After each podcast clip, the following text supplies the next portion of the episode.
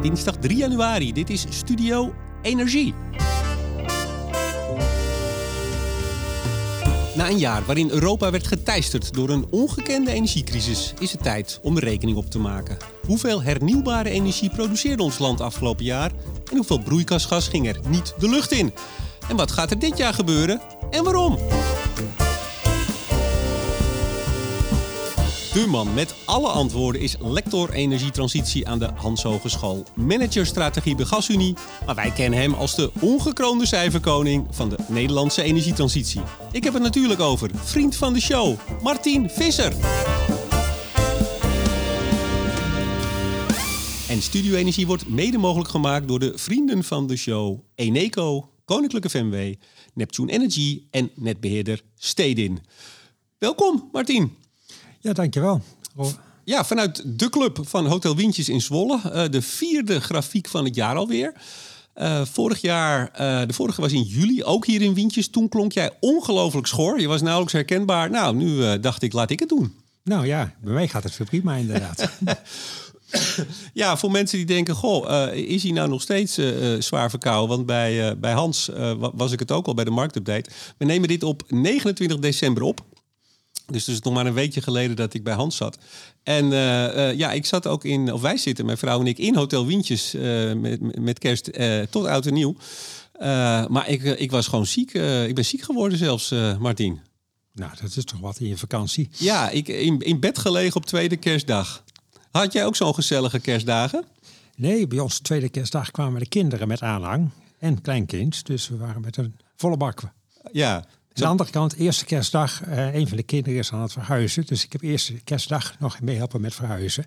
Dus dat was een hele bijzondere eerste kerstdag. Ja, nou ik zal weer zeggen, als ik af en toe moet hoesten, dan weten de mensen het. En als ik me verspreek, het is gewoon, het is de koorts. Ja, het is gewoon de koorts. Het is niet anders. het is wel mooi, we hebben wel een primeur weer. Ik, ik, ik ben gek op primeurs bij, uh, bij Studio Energie. Zeker als je het al uh, bijna vijf jaar doet. Dit is de eerste die ik presenteer op pantoffels. Oh, kijk eens ja, Ja, dat, uh, ja, dat zie jij niet. Je zit onder tafel, maar dat geeft wel een lekker huiselijk gevoel. Martin Visser, wat gaan wij doen? Ja, we gaan uh, kijken naar hernieuwbare energie, naar CO2. En ja, we beginnen met de gasvraag. Ja, we hebben gisteren even gebeld. Uh, toch even, je moet het voorbereiden, uiteraard. Het gaat allemaal niet vanzelf, dit soort fantastische uitzendingen. En uh, we hebben alle twee ook de gasvraag meteen maar bovenaan gezet hè, om mee te beginnen. Zagen we vanochtend in onze notities. Ja, vertel het maar. Waar, waar, waar, zijn we op uitgekomen? Ja, we komen uit op, ik denk, 31 miljard kubieke meter gas. Terwijl normaal gesproken Nederland ongeveer 40 of zelfs iets meer kubieke meter gas gebruikt per jaar. Uh -huh. En dat betekent een daling van de gasvraag met 25 procent. En dat is echt ongekend. Maar in juli, want ik heb natuurlijk even de, de uitzending van juli uh, teruggeluisterd, de vorige grafiek van het jaar. Toen, toen had je het ook al over 25%. Was het toen al 25% ja. of voorspelde je dat voor het hele jaar? Ik voorspelde het toen voor het hele jaar. Dus dat is aardig uitgekomen. Het eerste helft van het jaar was het iets minder. En de tweede helft van het jaar zien we toch echt een forse daling. En ja, het heeft een aantal oorzaken. Daar komen we zo meteen even op. Ja, nou ja, vertel het meteen maar. Ja, ik denk dat eh, de meeste luisteraars denken... jongens, doe niet zo van dit toneelspel... want we weten allemaal hoe het komt. Maar we zitten hier wel met de lector, hè? We zitten hier wel met de ongekroonde cijferkoning. Koning, vertel het. Hoe komt ja, het? Nou, de hoge prijzen hebben natuurlijk een hele belangrijke oorzaak eh, voor de, is een belangrijke oorzaak voor de daling. Maar er zijn ook twee andere oorzaken die we wel even vergeten zo nu en dan. Uh -huh. In de eerste plaats, ja, ik heb vergeleken met het gemiddelde van 2017, 2021, conform de EU-regels. En in Nederland heeft de laatste jaren enorm veel zon en wind uh, gebouwd. Uh -huh. En daardoor is er minder gas nodig voor elektriciteitsproductie. En dat scheelde alleen al 2 miljard kubieke meter, heb ik berekend. Okay. En daarnaast hadden we in het voorjaar hadden we natuurlijk een heel warm voorjaar, of een warme winter zou je kunnen zeggen, of niet koude winter. En dat scheelt ook net ongeveer 1 miljard kubieke meter. Dus dat zijn 3 miljard kubieke meters die in de pocket waren, eigenlijk ongeacht de hoge gasprijzen. En dan blijft 7 miljard kubieke meter gasvraagdaling over. een kleine 20 procent, door de hoge gasprijzen. Die ja, tussen de 5 en 10 keer hoger waren op de groothandel mm -hmm. dan normaal. Ja. En als je dat nog een beetje bekijkt, uh, ik heb een schatting gemaakt, van die 7 miljard kubieke meter prijseffect zit ongeveer de helft via de regionale netten. En dat gaat dan over de verwarming van gebouwen, woningen, maar ook kantoren, maar ook tuinbouw bijvoorbeeld en midden- en kleinbedrijven. Sorry, hoeveel was dat? Dat is ongeveer de, ruim de helft. Ja, de helft. Is ja, ja. Eh, en dat, nou, dat kennen we allemaal. Hè. Het thermostaat een graadje lager. Eh, ook pure energiearmoede. Hè. Mensen die het niet meer kunnen betalen en de thermostaat gewoon uit, de verwarming uit hebben gezet. Eh, tuinbouw, hè, die kassen die leeg staan, Mhm. dat is ongeveer de helft. Eh, isolatiemaatregelen horen daar ook bij, maar ik denk dat dat een relatief klein deel daarvan is. En daarnaast, ja, de, on- on- bijna de helft van die 7 miljard in de grote bedrijven. Eh, en ja, we kennen wel de voorbeelden van grote bedrijven die inderdaad met name hun productie hebben teruggebracht. En dan denken we met name aan de inzet van aardgas als grondstof in de industrie. Ja. Maar eh, ook bedrijven die bijvoorbeeld olie hebben gebruikt in plaats van gas. Denk aan de raffinagesector van de chemie. Mhm. Omdat olie, eigenlijk is olie altijd goed duurder dan aardgas. Maar dit jaar was olie goedkoper dan aardgas. En dus was het nuttig om olieproducten te verbranden in plaats van aardgas. En dat bespaart ook op, op de aardgasvraag. Ja, en toen zei jij eh, bij de vorige grafiek van het jaar, in juli dus, zei ja, dit is niet alleen maar goed nieuws. Eh, nou, dat mag ik ook nog af en toe wel eens ergens zeggen, want ik, ik vind het bizar hoe we daar af en toe heel juichend over doen. eh, dat het allemaal zo, zo lekker naar beneden is gegaan, die gasvraag. Maar Ja, nee, ik, ik noem het woord energiearmoede echt. En dat geldt niet alleen voor huishoudens, waar echt eh, schrijnende voorbeelden zijn die ik ook wel ken. Maar ook bedrijven, hè, die moeten worden stilgelegd. En dat, ja, het is wel schrijnend hoe op sociale media soms eh, dit als eh, echte besparing en goed voor het milieu wordt uitgelegd. Maar dat gaat toch wat ten koste van ja, heel veel maatschappelijk leed, wat wij met elkaar niet zouden moeten willen. Nee, maar- heb jij, bedoel, dit, gaat, eh, dit is niet jouw, eh, jouw eh, expertise, denk ik. Dus als je, als je zegt, nou, dat weet ik niet, is ook goed. Maar hoe, hoe komt het, denk je, dat we daar, niet alleen op social media, maar ook in, in gewone media, dat we dat bijna maar lijken te vergeten of zelfs toe te juichen? Heb daar een idee van? Nou, nee, ik ben daar ben ik echt puur amateur. En ja, mijn gevoel is wel eens dat de mensen die zeg de hoge prijzen toejuichen, dat dat de mensen zijn die ofwel eh, toevallig geen gas meer gebruiken omdat ze de mazzel hebben in een, in een duurzaam huis te mogen wonen.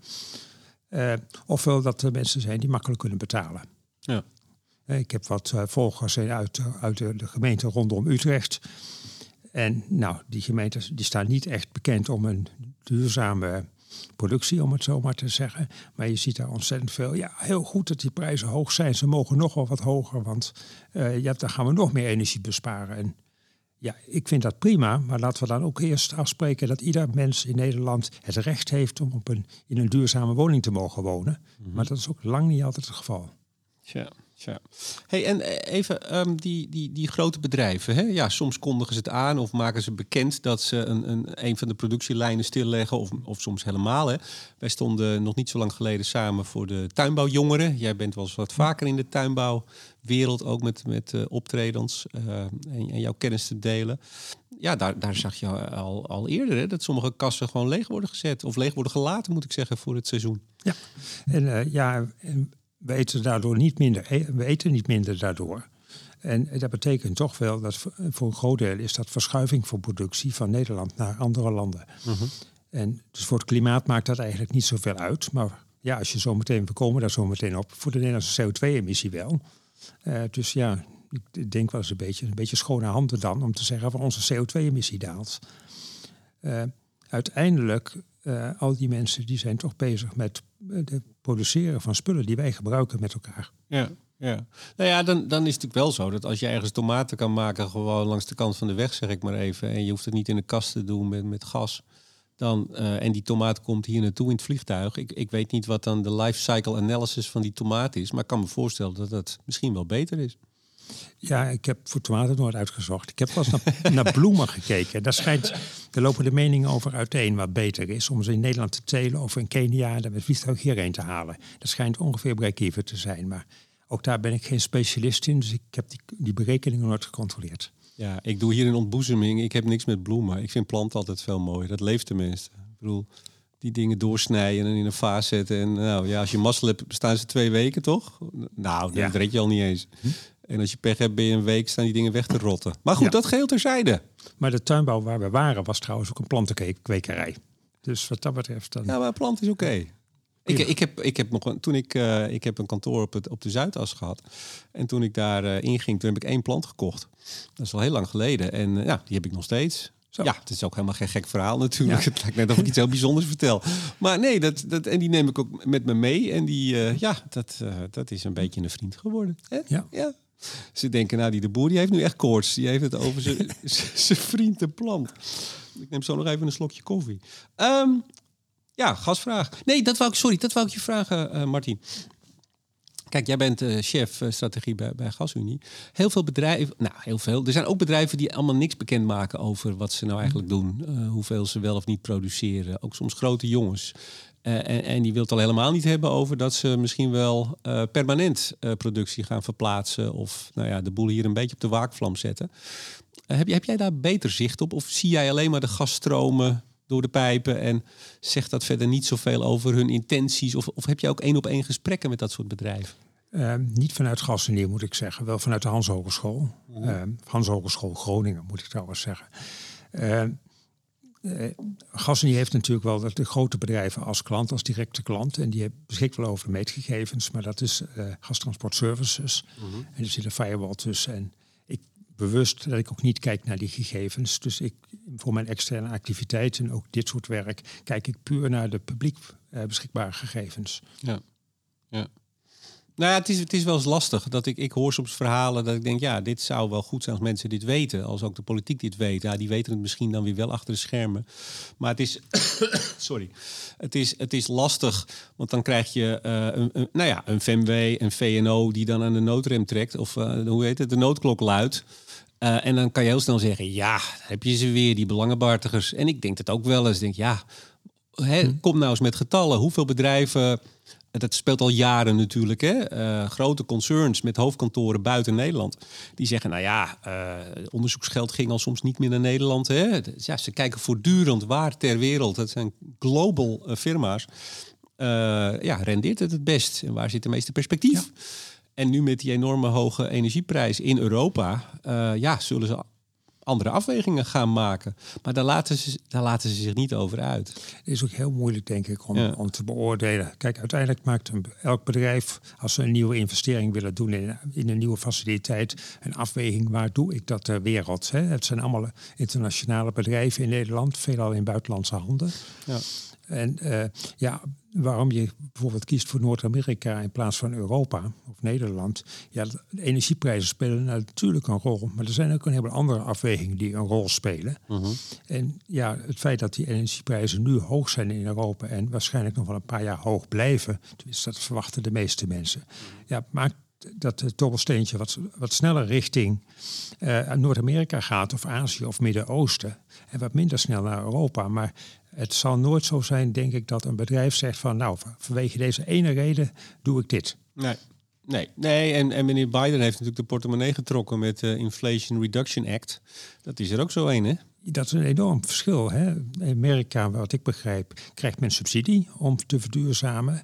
En hier in Europa doen we het op beprijzing van slecht gedrag, zoals dat heet. Mm Krijgt men een boete als je nog vervuilt. En ja, dat maakt het heel aantrekkelijk voor bedrijven om inderdaad ook vanwege deze reden, even los nog van de energieprijzen, eh, te kiezen voor Noord-Amerika op dit moment. En ja, daar hoor ik ook wel de verhalen van. Ja, ja.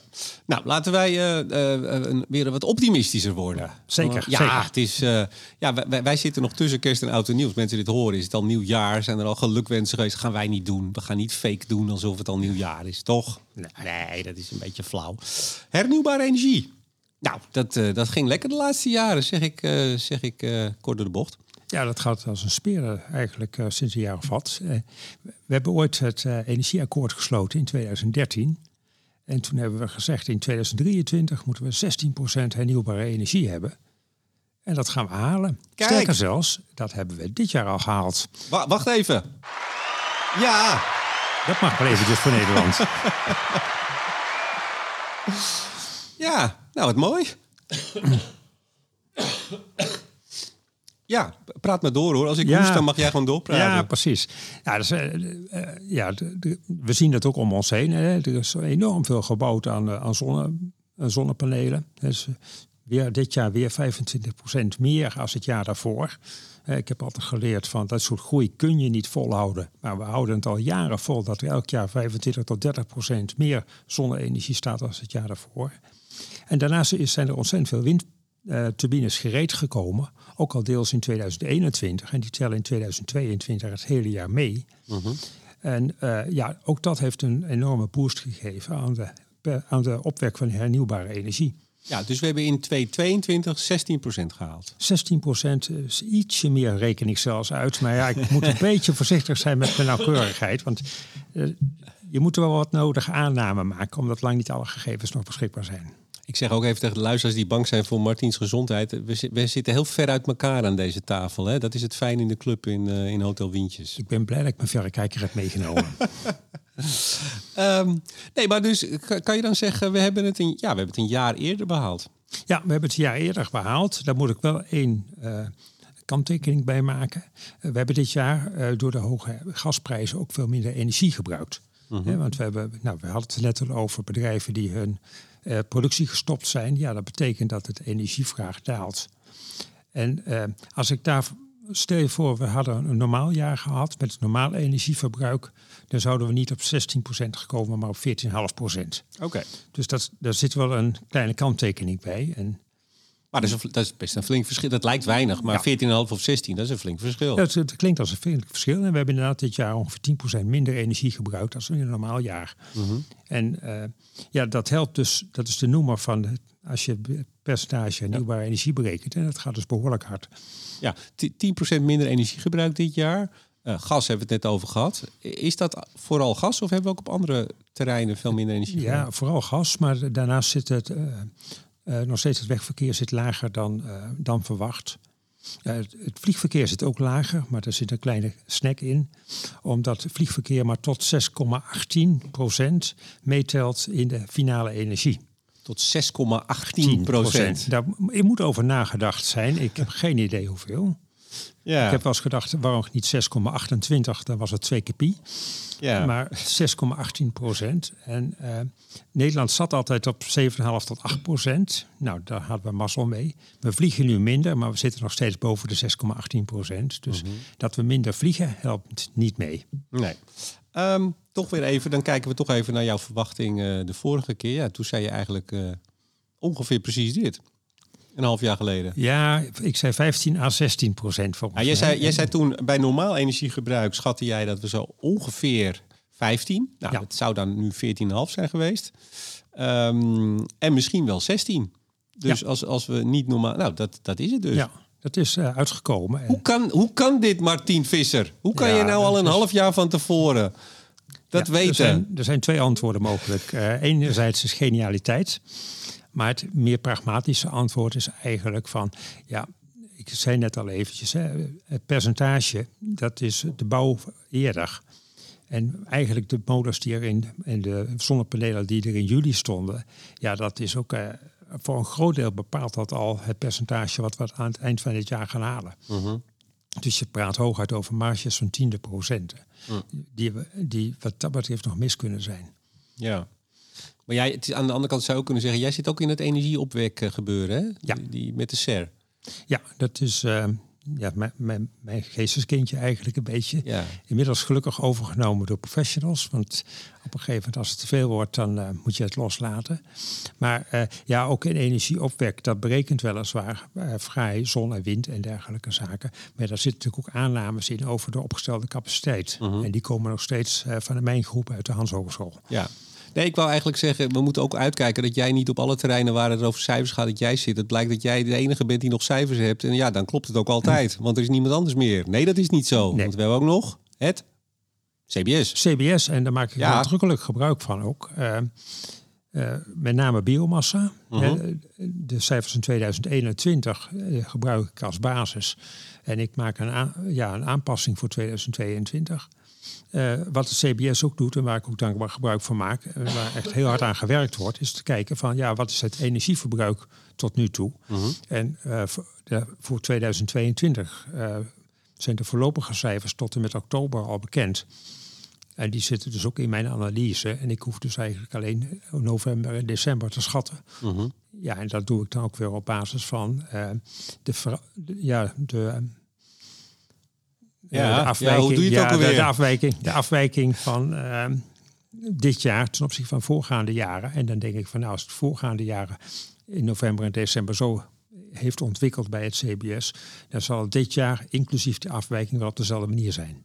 Maar het is, het is, het is natuurlijk wel, wel lastig. Kijk, je een aantal dingen. Je, je krijgt naar de temperatuur natuurlijk. Dus ja. dat, is, dat is een hele belangrijke. Die, ja. die weet je. Ja. Bedoel, daar hoef je, niet te, hoef je niet maanden te wachten. Dat kan je per dag bij wijze van spreken zien. Um, maar je hebt, jij hebt natuurlijk met, met corona en uh, eerst de stilval, het, het, toen weer de, de, de opschaling, uh, nu de, de, de, oorlog en de energiecrisis. Ik bedoel, dit is, niet, dit is niet de makkelijkste tijd. Dit waren niet de makkelijkste jaren voor vissen. Nee, uh, wel de meest interessante, denk ik trouwens. maar ja, door temperatuur en ook corona, wat je vooral hebt gezien is, corona was elektriciteitsvraag, die varieerde. Temperatuur is gasvraag. En voor gas en elektriciteit uh, zijn wel actuele data. En die mhm. komen namelijk van de, de Europese Vereniging van de TSO's. Mhm. En die zijn een paar uur oud. Dus daar voor gas en elektriciteit heb ik inderdaad gewoon de meest recente data uh, tot en met vanochtend heb ik meegenomen. Wie, wie hebben er heel goed gepresteerd uh, dit jaar? Uh, zon, wind, ja, nou, zon, zon altijd natuurlijk zon al, maar, altijd. Hè, dat ja, is, altijd. Maar, maar nog andere? We, we, het lijkt wel of het alleen maar zon is, ja, maar nou, we hebben er meer. Het is veruit de zon en wind is, met name zon is enorm. Het was een zonnig jaar ook nog, dat scheelt ook nog. -huh. Mhm. ja, daarnaast warmtepompen zijn natuurlijk enorm gegroeid. Maar dat telt niet zo heel hard mee voor hernieuwbare energie. Weliswaar telt alle warmte die de warmtepompen uit de buitenlucht of uit het grondwater halen mee als hernieuwbare energie. Maar warmtepompen worden met name geïnstalleerd in zeer goed geïsoleerde huizen. En die hebben niet zoveel energie nodig. Hmm. En dus produceren zoals dat heet, warmtepompen niet, niet uh, significant veel hernieuwbare energie. Okay. Warmtepompen en geothermie samen is ongeveer anderhalf procent van die 16. Mm En daarnaast biomassa. Uh, dat is wel weer wat gegroeid, maar relatief veel minder dan de andere. En voor het eerst nu in Nederland is minder dan de helft, iets minder dan de helft van onze hernieuwbare energie biomassa. Ja, dat, in heel, veel, heel veel verschillende versies trouwens. Hè. Dat is lang niet allemaal bomen die omgehaakt worden. Sterker zelfs, er worden geen bomen omgehaakt, denk ik. Behalve misschien voor open haarden. Eh, om eh, biomassa te kunnen verstoken. Maar uh, dat gaat werkelijk van het kropje sla wat u in uw grijze container gooit en wat in de afvalcentrale belandt, mhm. dat telt mee als biomassa, uh, tot de houtpellets uh, in de kolencentrales, tot bijmengen van biobrandstof bij diesel en benzine. Ongeveer mm 10% daarvan is bio biogene oorsprong. Ja. Dus heel veel diverse, diverse soorten. En bij elkaar telt dat op tot bijna 8% van de 16%. Ja. Ja, want ehm, eh, als je kijkt vorige eeuw, toen we begonnen met zon en wind een beetje, toen was, hadden we ook uh, duurzame energie, heel weinig. Uh, maar dat was dik 90% was biomassa. Alles was biomassa eigenlijk. Ja, ja, we hebben onze hele historie van Nederland is natuurlijk biomassa geweest. Hè? We, hebben ook nog in deze tijd die sommige mensen nog kunnen herinneren, zou ik maar zeggen. Ja, ja. ja. En dat is nu onder de 50%. Het is nu ja, het is achter, ik, ik kom uit op 48% maar zeg maar iets minder dan 50% we moeten bij volgende grafieken van het jaar gaan we gewoon in tiende. Straks gaan we in honderden, eh, honderden procenten zitten. Ja, wie weet. ja. Um, zijn er ook nog echt uh, acht tegenvallers dat je zegt, nou, dat, dat had ik nou niet verwacht. Die hebben toch echt een beetje ondergepresteerd. Nou ja, met name geothermie zie je eigenlijk dat de ontwikkelingen ja, wat stagneren. Mhm. Er zijn wel steeds pogingen gedaan. Maar dat breekt nog niet echt door wat, uh, wat velen hadden verwacht. er zijn heel veel warmtenetten die gewoon met aardgas worden gestookt. Nou, dat zijn toch bij uitstek potentiële kandidaten voor geothermie, denk ik, om daar wat bij te mengen. Mm je hoeft geen nieuw warmtenet aan te leggen en je bespaart direct heel veel aardgas. Uh, is niet gelukt. Ik denk dat de rest allemaal heel goed presteert eigenlijk. Hoe, heb je daar een beeld van, uh, als, uh, als lector zeg ik dan maar, um, niet als gasunieman, maar hoe, waarom komt het geothermie toch maar niet van de grond? Ik weet het niet goed. Het is, uh, het is blijkbaar toch, ja, het is een hele dure techniek natuurlijk. Ehm, maar, en er zijn wat problemen mee, dat weten we met elkaar. Maar waarom dat nou niet echt niet lukt, weet ik niet. Maar wat, zijn, wat, zijn die problemen? Eh, ja, de, de, de, problemen zijn met name in in Limburg hebben we gehad wat kleine trillingen in de, in de, in de grond. Mhm. En in Groningen, waar wij zitten, eh, ja, durft men niet te boren, omdat men bang is als er wat gebeurt, dat men niet meer kan bepalen of het eh, door de, als gaswinning komt Ja. of door de geothermie. Ehm, ja, je ziet ook, eh, we hebben heel diepe ge- geothermie geprobeerd en dat bleek toch minder op te leveren. Dus het is een veelheid van zaken eigenlijk. Maar het is gek, want we zijn enorm succesvol geweest in gaswinning en daar moet je ook een gat naar beneden boren. Dus je zou denken, waarom niet in geothermie? Nou, ik begrijp altijd dat je inderdaad, bedoel, je kan, je kan die putten boren, maar dan heb je eigenlijk nog niks. Eh, als je het niet kwijt kan. Dus je moet dat met je warmtenet, dat moet één geheel zijn. Ja, vandaar mijn tip ook eigenlijk. Van waarom bestaan de ga- warmtenetten niet op geothermie zetten? Geheel of gedeeltelijk. Want dan ben je in ieder geval die on- dat onderdeel van het ontwikkelen van een warmtenet ben je kwijt. Want dat is inderdaad heel moeizaam. Nou ja, dan, dan kom je inderdaad ook op de technische risico's en de problemen die je met. eh, nou, we, eh, ons, eh, ons gezamenlijk optreden voor de tuinbouwjongeren. Daar zat familielid van uh, Amelaan, zou ik maar Ja. zeggen. Ik ben even de voornaam kwijt, maar dochter van. Eh, en toen vroeg ik ook, want die hebben, nou ja, een van de pioniers. Eh, Ja. goh, iedereen, iedereen ging op een gegeven moment naar Amelaan. Minister voorop. Ja. Iedereen ging bij Amelaan kijken. Daar worden niet alleen hun, hun kwekerij, maar ook, wat was het? Het zwembad en een aantal woningen daaromheen. Fantastisch voorbeeld. Maar ja, op een gegeven moment is het putje vol. Of putje dicht moet ik zeggen. Ja. Putje dicht. Nieuw putje boren. 10 miljoen geloof ik, hè, zei ze. Ja, ja het gaat om hele grote bedragen. En 10 miljoen, hè? even wat je dan als, als, als, als ondernemer even daarin moet Ja. stoppen. Nou goed, de warmtenet uit baters die hebben over het algemeen wat iets diepere zakken. Maar die kijken ook wel even eh, de twee keer voordat ze dit soort risico's aangaan. Ja, nee, je hebt natuurlijk ook nog het, eh, ja, misschien wel debakel moet je zeggen, met de warmtenet, warmtewet.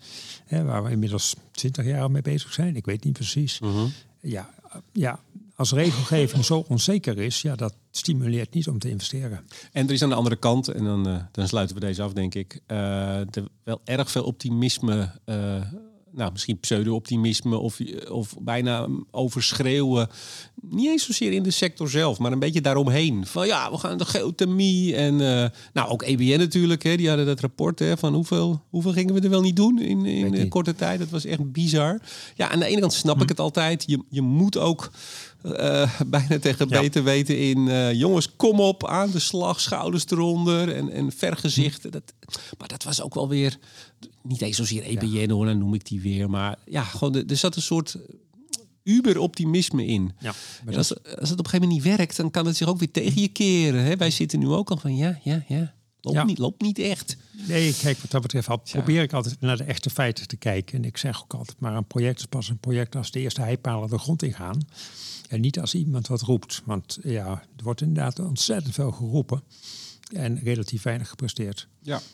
Eh, hernieuwbare energie, percentage 2023, 31 december. Dan zitten wij hier vast weer. Zeg maar. Ja, ja dat, eh, mijn inschatting is dat we ruim boven de 16% gaan komen bij normaal energieverbruik.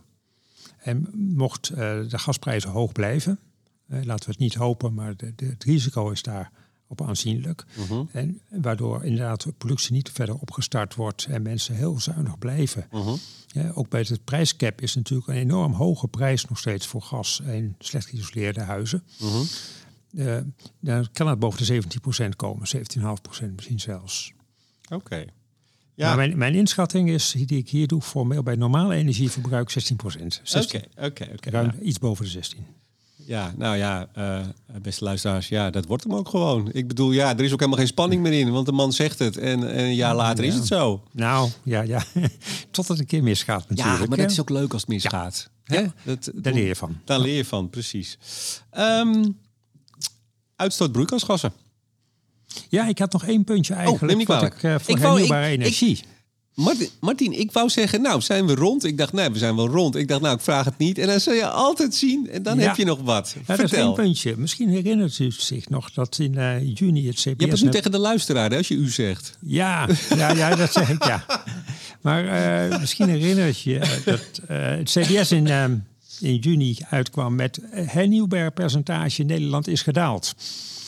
En na verder lezen kwam je er dan achter dat CBS plotseling een deel van de biomassa niet meer meetelde. Hebben we het uitgebreid over gehad vorige keer. Inderdaad, en, eh, niet meer meetelde. En als u op googelt, dan vind je nog steeds eh, dat het, eh, het persbericht van destijds, Mhm. hernieuwbare energieaandeel in Nederland is gedaald.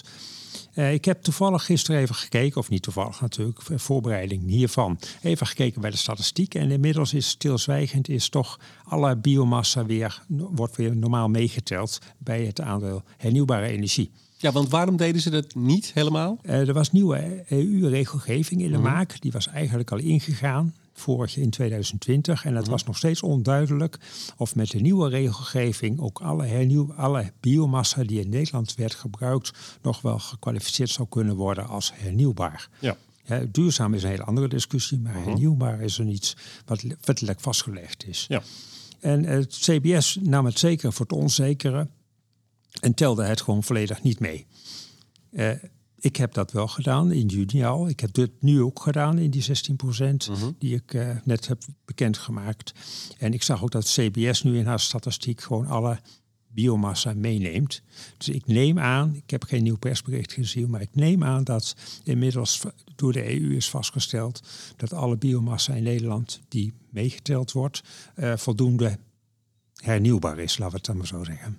Ja, en het gekke is dan, want CBS is een goede club. Ja, Hè? zeker. Ik maak veel eh, van ze gebruik. Ja, dat- eh, ik, ik ook op misschien een wat eh, lager niveau. Maar ik zit heel vaak eh, in, de, in de database eh, te struinen.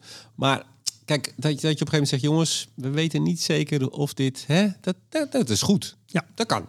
Nee, dat kan en dat is goed. Eh, maar om vervolgens dan in zo'n persbericht... ja, percentage gedaald...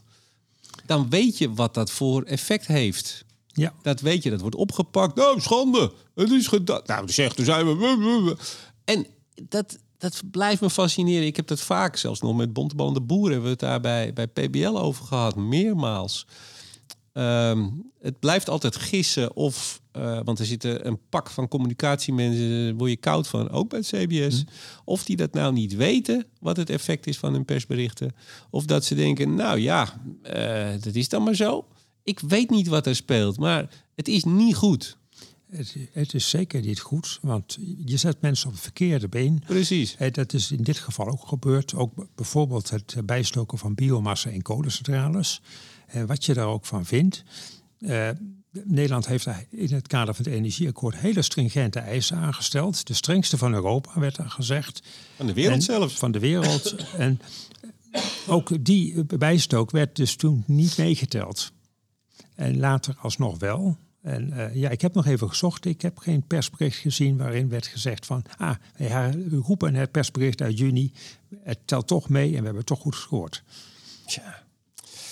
Nou ja, ik, ik, hoop, ik hoop dan nog maar dat ze een beetje verstrikt raken in, in hun meerdere uitgangspunten of zo. Van nou ja, er moet een persbericht uit. Nou ja, dit staat er nou eenmaal, want terugwerkend hebben we dat. Hè? Nou, bijvoorbeeld niet alles meetellen of alles niet meetellen. Eh, nou ja, ja, dan is, ja, is het ge- gestegen of gedaald, Kees? Nee, het is gedaald. Oh, nou, dan is dat de kop. Dus dat, dat ze op een gegeven moment ook bijna niet meer weten hoe ze eruit moeten komen. Ik, ik hoop maar dat dat het is, bijna. Een soort, soort ongeluk struikelen en het ook niet meer weten. Want het alternatief is nog vervelender. Maar nou, niet meer doen, CBS. Gewoon dan geen persbericht. Lijkt me een goed idee. Je hoeft toch niet altijd een persbericht? Nee, maar je kunt ook kijken of... eh, nou, probeer de kop goed te krijgen. En eh, weet je, veel mensen lezen alleen de kop. En dat maakt het toch wel lastig. En nou, mensen zoals ik, eh, en, en jij ook, denk, die lezen er dan door... en pakken nog een keer het rapport erbij. En dan Ja. staat er toch vaak hele andere dingen dan je uit een persbericht... en dat niet alleen het CBS, maar ook vele andere Ja. haalt. Ja, ja, ja. Nou, goed, goed punt nog even. Toen je, toen je eerder had, al over biomassa had, toen dacht ik, ah, nu fietst hij hem erin van het CBS. Maar dat, eh, je had hem even bewaard voor een apart, eh, apart stukje. Heel goed. Heel goed. Nee. Ehm, nu naar de broeikasgassen. Ja, Oké. Jouw verwachting was dat we in 2022 30% minder zouden uitstoten dan eh, vergeleken met 1990. Moeten we natuurlijk altijd even erbij zeggen. Ehm, nou, vert- vertel jij even het agendavonders, want ik kan het nou wel gaan vertellen, maar ja, we hebben hier de grote koning bij ons zitten. Dus wat, wa- wat, wat, moesten we halen in 2020 en hoe, hoe heeft zich dat ontwikkeld? Nou ja, in, in, even de spanning erin te houden. in 2020 moesten we eh, volgens het Urgentavonnis, dus volgens de Hoge Raad, eh 25% minder halen. Tenminste. Dat, tenminste. Ja. En dat hebben we gehaald. Ja.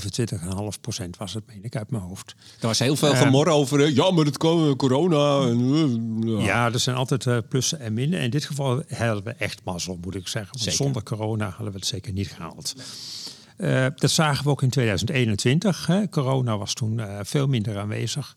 En prompt zakte het percentage van CO2-daling weer van onder die 25 procent. Het was 24,5 procent. Mm -hmm. Dit jaar hebben we de... Oh, maar wacht even. Sorry, ja, ik onderbreek je. We weten toch nog niet precies waar we zijn uitgekomen in 2021? Nee, de laatste, laatste schattingen zijn iets van 24,5 procent. Meen ik uit mijn hoofd. 24, 24,5 procent. En okay. ja, recent werd zelfs het getal van 1990 nog bijgesteld. Dus we weten, we, wie weet weten we het wel nooit. en het was een significante bijstelling. Je had het net over de echte feiten, noemde je net ja. even. Dus we, dit is ook heel fluïde. Feiten kunnen ook heel fluïde zijn. Ja, het is nou eenmaal niet... We meten ook strikt genomen natuurlijk niet onze CO2-uitstoot. We, hebben modellen waarbij we dat bepalen. En die modellen zijn best wel heel nauwkeurig.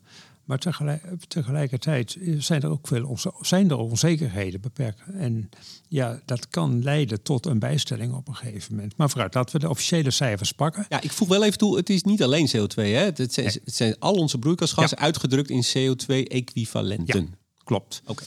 Ongeveer 20% is niet CO2. Ja.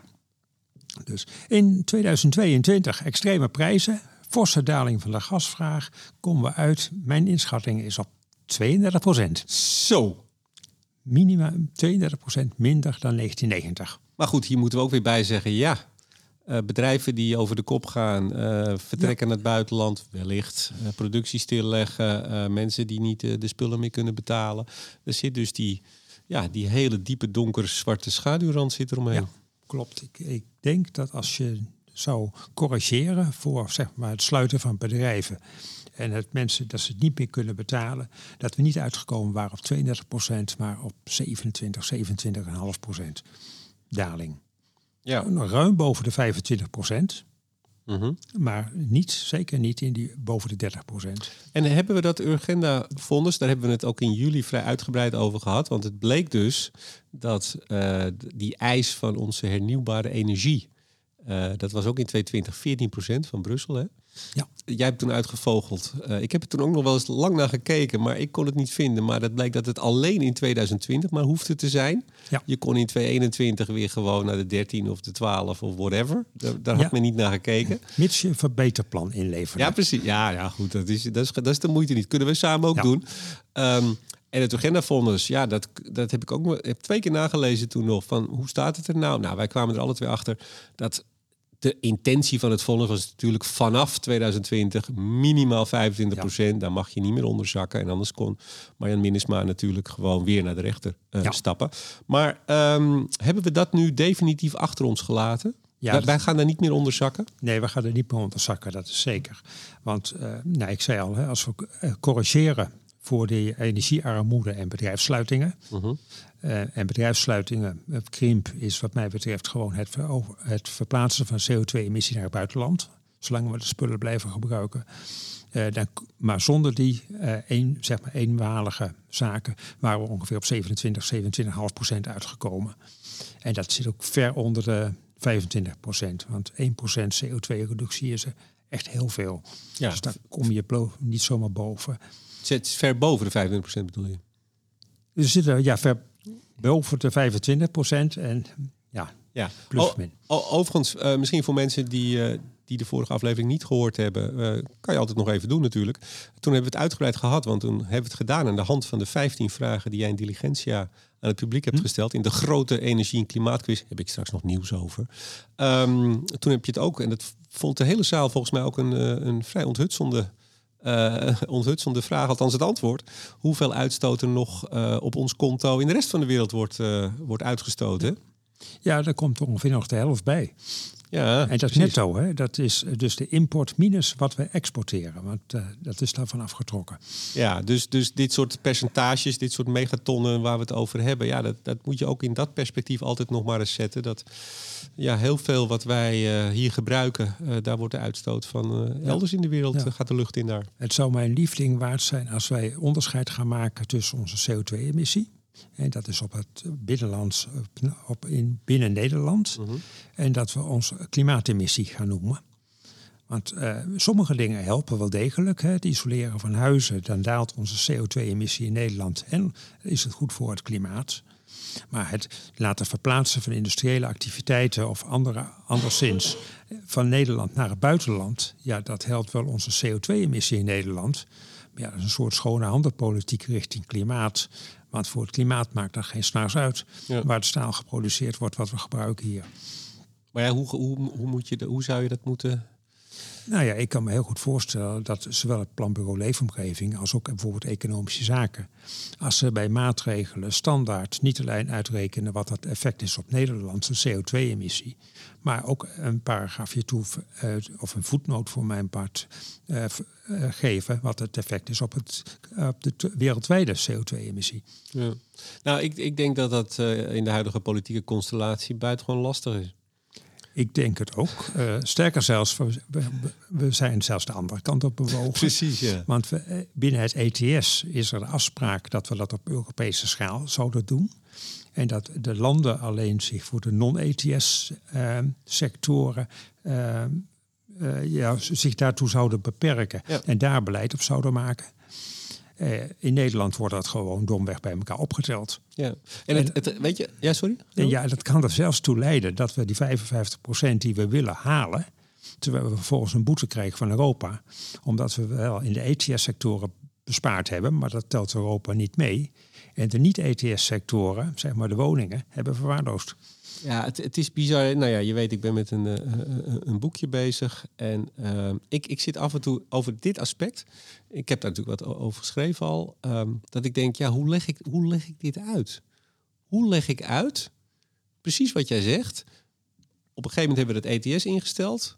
En het grappige is, of het saillante, dat uh, minister Kramer toen van From, van Milieu, uh, PvdA, in Balken en de Vier, op een gegeven moment ook tegen de Kamer zegt, als het gaat over de nieuwe kolencentrales die op dat moment uh, nou, uh, ongeveer vergunning gaan krijgen, 2007.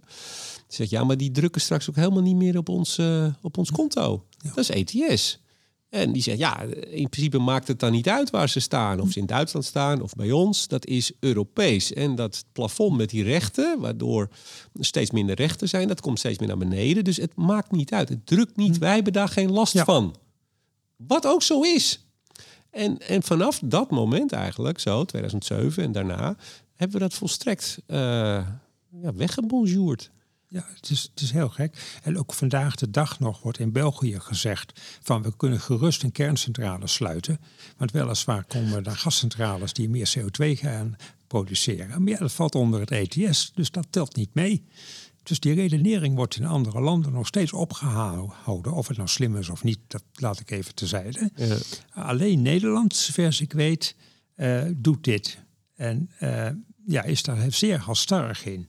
En het heeft tot, bijvoorbeeld tot effect van, wij hebben afgelopen jaar, dit is denk ik een jaar met een record netto export van elektriciteit.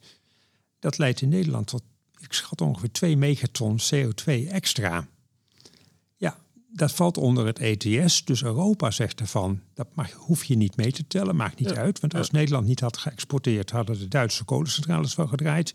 Of de gascentrales elders. Uh, maar wij rekenen dat tot ons uh, ja, mee. Uh, dus we rekenen onszelf ook nog in de put, terwijl dat volkomen onnodig en misschien ook wel fout is. Gewoon. Maar je, je ziet dan vanaf, nou ja, ongeveer vanaf Balken de vier, nou, ietsje daarna. Maar dan, het, we zijn er met z'n gaan, met met z'n allen helemaal naar gaan staan. Uh, politiek, media, rechterlijke ja. macht, hè, Urgenda, precies hetzelfde. Trok zich ook niks aan van nee. uh, wat de effecten waren van de maatregelen. Als wij maar die minimaal 25% vanaf 2020 minder uitstoot ten opzichte van 1990. Um, ja, en uh, ziet u maar hoe u het doet. Ja. Maakt niet uit. Het is echt. Maar het is, het is lastig uit te leggen. En ik, ik, nou, ik doe er natuurlijk onderzoek naar. En ja, ik, ik ben wel een eentje op weg. Maar het blijft heel moeilijk. Het is, hm. het is bijna een soort. Uh, nee, ik laat ik de, de grote woorden even laten, Martien. Um, wat gaat het dit jaar worden? Ja, nou ja, ja. Is, misschien moet ik toch nog een paar zeggen. Van, uh, ik zei al, van anders hadden we op 27% reductie gezeten. 27,5, kijk uit. 27,5. 27,5. er zijn, er zijn, wat zijn de redenen waarom we toch fors onder de, de, de 25% uitgekomen zijn? Boven de 25%? Ja, Je zegt boven de 25%. Ja, boven de 25% vermindering. Wat ja, een verschrikkelijk woord. Dus heel belangrijk is daar de hernieuwbare energie geweest. Uh, de groei van uh, hernieuwbare elektriciteit heeft in zijn, haar eentje 3 megaton CO2 bespaard dit jaar ten opzichte van vorig jaar. Uh -huh. Dat is een hele belangrijke. En, ja, en verder, uh, dat zal u wellicht verrassen, maar de, de kolencentrales mogen weliswaar sinds juni weer volop draaien. Maar die draaien niet volop.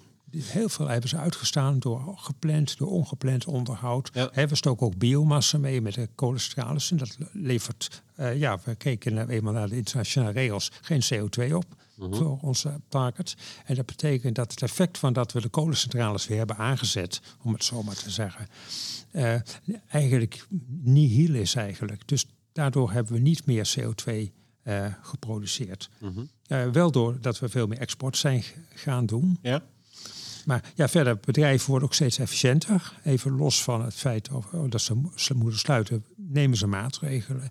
En ook dat scheelt er gauw een megaton Mhm. uh -huh. CO2 structureel per jaar. Okay. En met dat soort maatregelen helpt. Ja, heel goed. Dus dat, dat is de verklaring? Dat zijn de verklaring. Dus ah. met name is het de, de groei van hernieuwbare energie. Oké. Okay. Had ik even moeten vragen. Ja, ik, ik sprong al naar 223. Ja. Ik dacht, ik ga zo mijn neus even snuiten, dus ik moet, ik moet snel door. Nou ja, ik dacht ook, ik, ik moet moeilijke vragen moet ik even kunnen nadenken. Dus, Weet je trouwens waar we het net bij hernieuwbare energie helemaal niet over gehad hebben? Over hernieuwbare elektriciteit, nee, percentage. Dat bedacht ik me dus. Uh... Nou, weet je wat, pakken we die ook We knallen gewoon alles ja. door elkaar. Waar, waar, waar, waar, zijn we met hernieuwbare elektriciteit op uitgekomen afgelopen jaar? Ja, ik denk dat we uitkomen op 41 procent. Wauw. En dat is echt een flinke stijging ook weer ten opzichte van vorig jaar. Ja. Ik meen dat 33 procent is. Ja. En van die 41 procent is uh, een kwart ongeveer afkomstig van allerlei vormen van biomassa. En dan blijft er dus 31 procent over voor zon en wind. -huh. En zo u wilt ook water, maar dat is maar 0,1 procent. Dus dat telt eigenlijk niet mee. Nou, misschien als hij u zegt, dan heeft hij tegen u hoor, niet tegen ah. mij. Ik zeg het dan maar even. Ja. Hey, in juli uh, voorspelde je ongeveer 37 procent. Dus het is daar flink overheen gegaan. Ja, mede door weer dat uh, minder energieverbruik. Ja, dat is minder energie en heel veel zon, ook in het najaar. Ik moet zeggen, in die 41 procent heb ik het uh, kust, Hollandse kust Zuidpark niet meegerekend. Want ik hoor steeds nog verhalen van mensen die op het strand wandelen en die zien dat de molen stilstaan. Oh. Dus ik hoop binnenkort uh, groen, uh, ja, groen licht te zien van Vattenval dat het toch uh, volop aan het produceren is gegaan. Oh, ik dacht dat jij, dat je zei, wou zeggen, ik, ik hoop binnenkort tips te krijgen van mensen die langs het strand lopen. Die zeggen, ja, ze draaien vissen, ja, ze dat draaien. Is nog beter. Dat is ja. nog beter. Hey, ja. En hernieuwbare elektriciteit 2023, wat is je verwachting? Oeh, heb ik eigenlijk niet naar gekeken. Dat hebben we niet van tevoren besproken. Niet besproken, uh, ja. Nou ja, Hollands Kust Zuid, uh, dat gaat zeker draaien natuurlijk. Hè. Er zullen wat problemen zijn, die zullen ongetwijfeld opgelost worden. En dat scheelt in haar eentje al 5%. Dus dat is een behoorlijke stap. -huh. uh, ze zijn nog aan het bouwen, dus het, het, zal niet het hele jaar die 5% zijn, maar daar komt het al bij. Eh, zon groeit door. Ja, deels zijn die panelen al geplaatst, maar tellen ze volgend jaar voor het eerst het hele jaar mee. Ja. Dus daar komt ook nog een paar procent bij. Uh, biomassa zal niet groeien, dat denk ik. Uh -huh. uh, wind op land zal beperkt groeien, vermoed ik. Redelijk, er komen wel steeds windmolens bij, maar de grote hoos, heb ik het idee, is voorbij. Yeah. Dus uh, we, we komen achterin de 40 procent schat ik in. En heel misschien wel 50 procent als we inderdaad heel goed elektriciteit blijven besparen. Uh, in oktober is dat volgens het CBS voor het eerst gebeurd. Uh, dat er 10% minder stroom werd gebruikt als het gemiddelde van de vijf jaren daarvoor. Mm -hmm. uh, alle andere maanden daarvoor was er eigenlijk geen sprake van een daling van het stroomgebruik. En ja, dat komt niet door uh, de Tesla's en de, de warmtepompen, mm -hmm. want dat is maar een paar tiende procent van ons totale stroomverbruik. maar dat komt door de, ja, ook alle efficiëntiemaatregelen die we nemen. Okay. En ja, ook bedrijven die heel veel stroom gebruiken. Hè, Aldel is het bekende voorbeeld. Mhm. Uh -huh. Ja, die zijn gesloten. En ja, daardoor daalt uh, de stroomverbruik. Ja. En dus als je meer opwekt, gaat je percentage lekker omhoog. Als ja, je meer ja, hernieuwbaar ja, ja, hebt, ja, precies, zeker. Want ja. windmolens trekken zich daar niks van af- aan. Of al deel draait of niet. Die produceren vrolijk verder. Ja. Nou, we zaten eigenlijk al bij de broeikasgassen. eh 2023. Ja. De, het reductiepercentage. Nou, Urgenda hebben we gehaald en achter ons gelaten. Daar hoeven we het dus eigenlijk niet meer over te hebben. Nee. Tromroffel, waar komen we op uit? Ja, dat, eh, dat is de moeilijke vraag natuurlijk. Want heel erg wordt dat bepaald door ja, hoe hoog blijven de gasprijzen en hoe zwaar blijft de armoede, eh, energiearmoede, eh, MKB'ers en gezinnen treffen. Eh, en bedrijven die misschien wel, wel of niet opstarten. Ja. Recent zagen we de prijzen wel dalen. Er werd gezegd voor- naar het vooroorlogse niveau, maar besef dat ook voor de oorlog waren de prijzen al absurd hoog. Vijf, vijf keer hè, ongeveer? Ja, vijf keer zo hoog eigenlijk Ja, precies. voor, sinds voor mei 2021 zijn de Russen al begonnen met minder leveringen. En toen zag je de prijzen al op, opgaan. Ja. Dus, eh, maar laten we even, ik heb gezegd 27,5 procent. eh, als ik daarvan abstraheer. Eh, ik denk dat daar zeker anderhalf procent bij komt. Dat we op 29 procent gaan komen eh, bij normaal energieverbruik. Mhm. En eh, ja, energiearmoede plus afschakelen van productie heeft ook nog 5% geschild. Dus dat zou dan op 34% komen als dat doorgaat zoals het afgelopen jaar het geval was. Ja. Nou, wat moeten we in 2030 hebben? 55 procent minimaal van het Ja. kabinet. En eh, ja, dat wordt eh, een gigantische opgave. Eh eh, ja, zeker op bijvoorbeeld Portos, eh, dat was een hele belangrijke.